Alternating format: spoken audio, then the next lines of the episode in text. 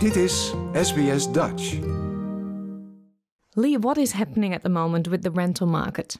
Look, it's a it's a really tough time for many renters at the moment. Um, not just people who are trying to find a new home, who are facing big rent increases uh, from their old property, and a huge number of um, applications for each property. So uh, they might be getting rejected from uh, sometimes dozens of properties. But also people who already have a home are becoming increasingly worried that they don't want to raise issues, they don't want to raise repairs issues or other concerns because they might, um, you know, encourage or, or uh, find themselves receiving a rent increase notice or an eviction notice at the same time. So it's a very difficult time. People are very worried and uh, upset about the inability uh, to keep a good quality home in Australia at the moment. Well, being from the Netherlands, maybe you think I'm crazy, but I find it in general difficult to find a good rental place, mm. a proper one with no mold and everything working and not with decoration from the 60s. Yeah, exactly. Well, you know, some people might like the decoration from the 60s, but the mold is a real health issue and, and it can cause significant problems for people. So, the I, I, at the end of the day, the problem in Australia, and certainly I don't think people in the Netherlands necessarily say it like this, but the problem in Australia is that we don't understand renting and shelter as an essential service, that there is a, a shared commitment from government, but also from industry, from the investors, uh, to ensure that people have good homes uh, and that they're willing to accept a level of regulation in order to make sure that that happens. And this is quite, you know, curious even in Australia, where, uh, for instance, for other essential services like food, we do have a certain level of regulation to make sure that people are safe, can stay healthy, can access uh, these these requirements of a you know a, a healthy and dignified life. Um, so, for instance, in food, every single food uh, provider, whether it's the local burger place or a big supermarket, has a food license, and they're checked to make sure that the uh, that their place is being well cleaned and the hygiene is being taken care of. Um, and so we don't even have that level of scrutiny over our homes where we pay a, a huge amount more for them and have just as significant potential health impacts if they're not being maintained well. So uh, even in food where it's very you know market based, um, we have these kind of agreements that we want to make sure that people are safe, they're not being poisoned or harmed. And then in other areas like electricity or healthcare, we have much more um, uh, accountability, much more oversight from government to make sure that people are receiving the, the power that they need to be able to cook and clean and take care of themselves. Um, and we don't do the same for the house where those people are cooking and cleaning and, and sheltering. So it's a very strange situation. And that leads to a whole lot of practices that people have become used to over many decades that renting it looks a particular way, but we obviously know that there are many countries around the world, often who are, um, you know, just as uh, happy and if not happier, just as wealthy as our country is, who have much more significant um, uh, oversight and regulation of the housing sector, and importantly, a much fairer balance between the, the investors and the tenants. Uh, I don't think anyone's got it perfect, but there are certainly a lot of examples where people are doing a lot better than we are at the moment. Yeah, is the fact that, um, again, my personal ideas, but in the Netherlands, you buy a house to live in. And when you're exactly. very lucky, you can afford a holiday house in France or, or maybe in the mm-hmm. Netherlands. But you buy a house to live in yourself. And here, even I have friends who have five, six, seven investment properties to, yeah, become better of it. Mm, I think this is the problem fundamentally in, in Australia that um, we have combined the utility of a home, uh, you know, a place to live, with the investment of the wealth that, that, that, that generates. And it has generated a huge amount of wealth for quite a large number of people in Australia. Um, but that has actually had a consequence on the people who are buying a property to live in, as well as the renters. So, uh, people who are buying a property just to live in have also been forced to approach property like an investor. They're, they're borrowing a large amount of money and they're hoping that the capital gain is sufficient to cover that investment so that they're taking a gamble there.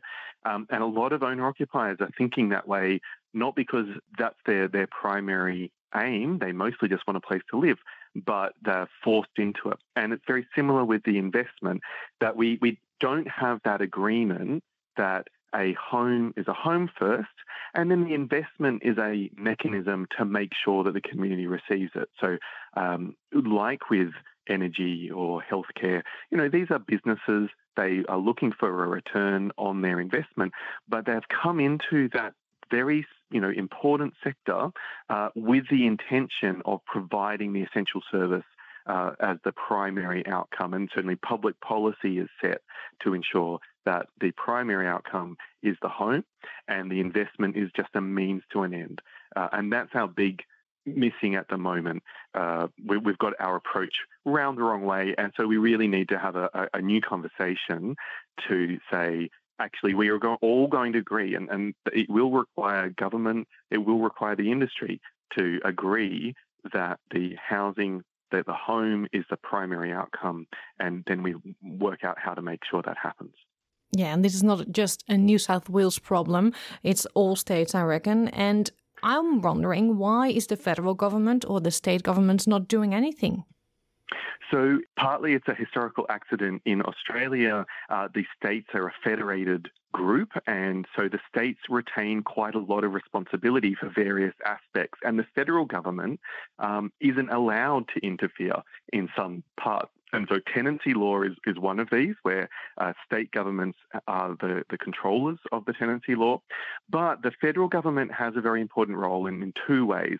One is that they do provide funding to the states to address uh, housing and homelessness issues. So Australia spends a couple of billion dollars a year giving money to the states and territories to run homelessness programs, to run housing. And so they could start to say to the states and territories, if we're going to keep funding you for these services, that are really responding to the failures in your rental market, we need to see a better approach from you that encourages stability, encourages affordability, um, so that we don't we, we don't feel like we're throwing away the taxpayers' money in trying to kind of band-aid over these solutions.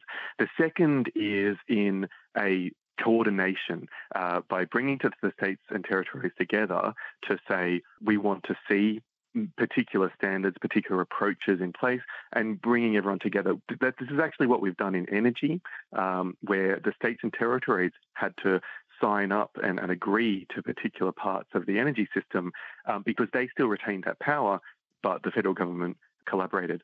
And then the third part is actually the taxation system. So the way that we tax, particularly capital gains um, and, and property investment generally, really exacerbates some of the issues we're seeing and encourages sort of short term um, investment strategies so that after about five or six years, it starts to become uh, very attractive to look to sell the property rather than hold it for a very long time um, because the the impacts of negative gearing and capital gains tax discounts working together encourages an investor uh, sort of first dynamic when actually it was intended to assist owner occupiers, but it's become uh, sort of distorted over the years. Mm-hmm. So, with the New South Wales state elections coming up, is there something renters can do? We, we want to make sure that renters know that state governments can fix these problems and it is in the state government responsibility to uh, consider these issues. So, regardless of political opinion, regardless of political background, we think that people should be talking to their representatives, to their uh, to the people who want to represent them, and asking what they will do to address these issues. Uh, because I think that it's been very much missing from the conversation in previous years that the state government can address these problems. But what they haven't heard is that people want them to address these problems, and so they, they haven't responded. We're starting to see that now. As the crisis deepens, more and more people are asking these questions of the parliamentarians who are already in place and the aspirational parliamentarians and I think that politicians are increasingly going to have to have good answers. So we've we've seen some responses from both government and uh, Labor um, and uh, the Greens, but we really haven't seen, um, particularly from the two major parties, a comprehensive um, answer and a comprehensive strategy to, to address this. So um, I think it's a good question to ask. Yeah. For others who don't live in New South Wales and uh, renters who have issues, I mean, I know examples from uh, my friends who get kicked out every time after a year. So they're moving mm. every year, they have to move, kids have to go to another school. It has a big impact. Um, mm. Or the state of the house is, like I said, moldy or uh, an unfair increase of the rent. What can people do? Can they do something? So it, increasingly, the um, the state governments and state and territory governments are recognising these issues, but they need to be encouraged. They need to show that both uh, tenants want these these changes, but also they are often told by um, industry groups that uh, the investors don't want the changes, and actually that's not true. There is polling, uh, and it's been pretty consistent over the years, showing that a large number, even a majority of property investors have no problem with reasonable regulations um, and, and, fair rules. They are quite happy to see a more stable uh, approach to investment. That means that there's less of this arguments and less of this stress and, and distress.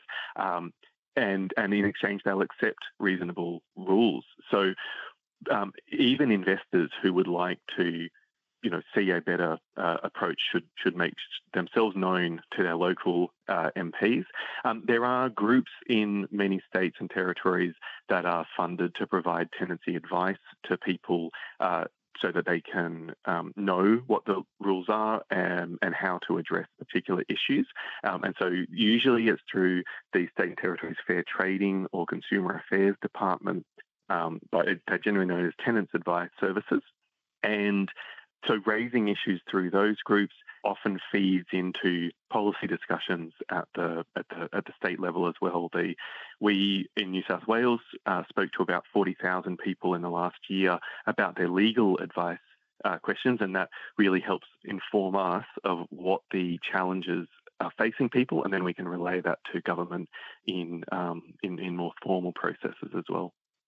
Leo Patterson Ross from the Tenants Union New South Wales, thank you very much. Absolutely. Thanks, Pauline.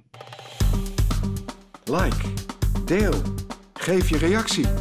Volg SBS Dutch op Facebook.